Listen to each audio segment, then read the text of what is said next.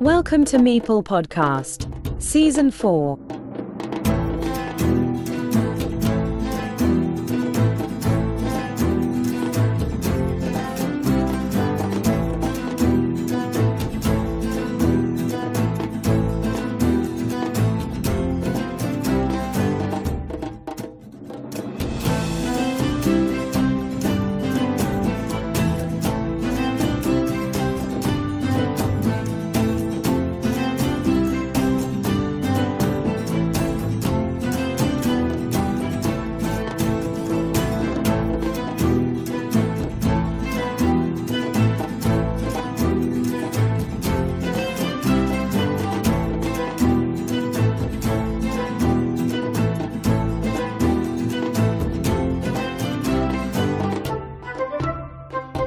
In this channel, I have invited many participants of the last edition of the Carcassonne World Championship, but some of them didn't were the real champions on their countries.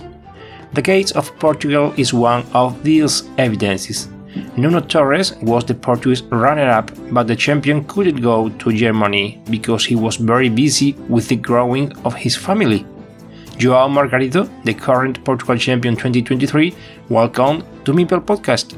Hi there. Thank you for the invitation. How are the family now? Are you a bit quiet at this moment?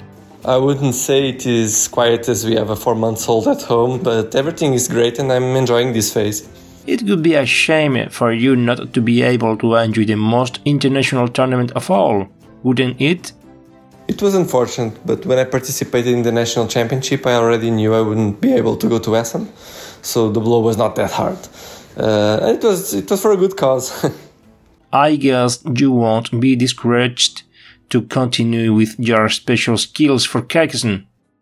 I never really stopped playing in the last months. It is still my main hobby at the moment, uh, and I continue to aim for better performance. Tell us about the final of the Portugal Championship that we were all able to see on the YouTube channel Jogos do Mundo. It was a hard match. Nuno was national champion in title and a fierce opponent. Uh, fortunately, I had some other tough matches during the competition against some of the best Portuguese players, for example, Guilherme Neves and Afonso Cavaco, which are Glovir and Osnofac in uh, Board Game Arena. Uh, my confidence was up. Uh, with that, I controlled most of the final match and was lucky to be the winner. In Essen 2022, Nuno finished 18th in the World Championship finals, but last year, Hern 2023, he was obtained the 6th position. He was improved his results by representing Portugal as runner-up instead of champion. True, uh, he is a great player, especially playing in person. And I was really glad he had such a great performance last year when replacing me. It shows Portuguese Carcassonne is becoming better and better. Sixth place in the individual world championship as in the WTCOC, a great success for your country in this game, no doubt. Yes, it was a good result, but in 2022 we achieved fourth place, so we were not the happiest with the result, even though it was a good one. The Spanish team kicked you out of the competition. We interviewed Glovir in this channel, a young but talented guy. He had it in his hand to reach the semi-finals. It was an intense match, decided by small details. Uh, I was really proud of everyone's participation, and Glovir was really close and played really well. Uh, Spain is also a very strong team, and it was great to see our match being so close and intense. Do you think Portugal will win the WTCOC one day? You have great players, especially that little genius Bicuda 56. Every year, new great players arise. Uh, fortunately, when I started playing for Portugal, we were inviting a few people to play. Now we have to do internal competitions to decide the players to represent our nation, and that is very good.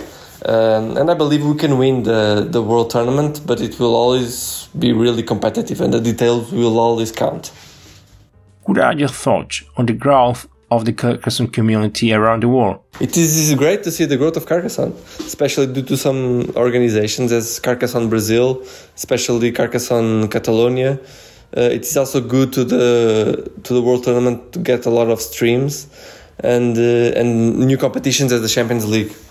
Uh, every year, I feel there is a lot of more players playing competitively. Do you think it would be possible to participate one day in an exclusive platform for Carcassonne outside the BGA? Because there are many things that should be changed in the interface of this famous platform to improve the possibilities of Carcassonne in the future. Well, obviously, a personalized platform for competitive Carcassonne would facilitate everything. It would be great to have that, uh, even though I really like Board Game Arena. What do you like most about board games? Getting better at each game. I am very competitive, so it's a bit hard for me to play only to spend some time. I always want to win. you can play Carcassonne better or worse, but what can never be missing in a competitive game? passion for it, calculation, intuition. Focus is the most important. Uh, with that comes better counting and better decisions, and it improves our chances of winning the game. Tell us about some of the activities you have planned for the coming months in Portugal around Carcassonne. At the moment, we have a pro league organized by Jogos do Mundo. It is now in the second edition. I was third last year. We are also having a competition to determine the players that we will, will be playing in the next uh, World Tournament, which is a hard competition of a lot of games between the best Portuguese players. And in a few months, the VIR will organize the 2024 National Championship, and I intend to keep the crown. João, I'm sure you have something to tell us that I haven't asked you about you have this space to tell us something, an anecdote, a comment you want to make or send to someone. Uh, nothing much. I just want to say that I'm really happy that the international scene for Carcassonne is getting more competitive each year. And that is really cool to see the coverage we, we players are getting, not only locally but globally, with, for example, your podcast. I wish you and your family all the best. I hope that one day you will be able to enjoy the World Cup in person, obviously as a player. Thank you so much. I, I really hope to go to Essen as soon as possible and play in the World Cup. Thank you for accepting the invitation to this program. Thank you a lot for the invitation. It was a pleasure speaking with you. To all the podcast audience, see you in the next episode. Bye bye.